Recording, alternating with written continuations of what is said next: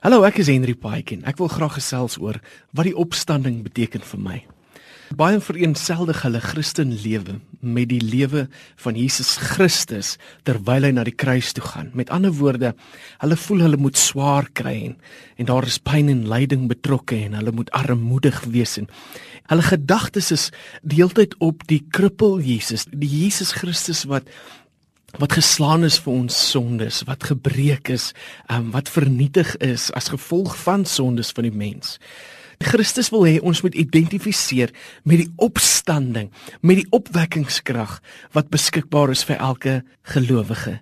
sien godsdiens is 'n vorm van geloof sonder krag. Wanneer het mense genesing nodig? Wanneer het 'n mens verlossing nodig? Wanneer het 'n mens bevryding nodig? Al hierdie dinge is nie vir eendag in die hemel nie.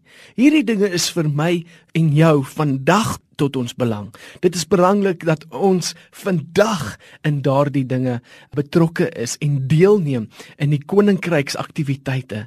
sien die antwoord is nie eendag nie. Die antwoord is nou. Christus is nie 'n antwoord vir môre of eendag nie. Christus is 'n antwoord op vandag se probleme vandag se omstandighede, hoe siek ons vandag is.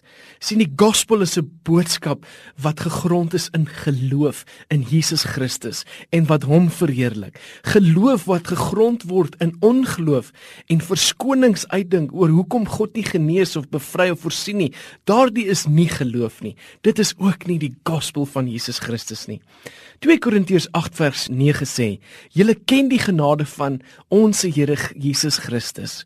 Hoewel hy ryk was, het hy ter wille van julle arm geword, sodat julle deur sy armoede ryk kon word.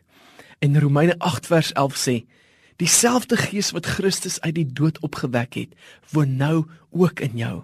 Die opstanding is 'n bewys dat ons geloof sal produseer, sal lewe produseer, sal iemand se lewenstoestand verbeter en verander.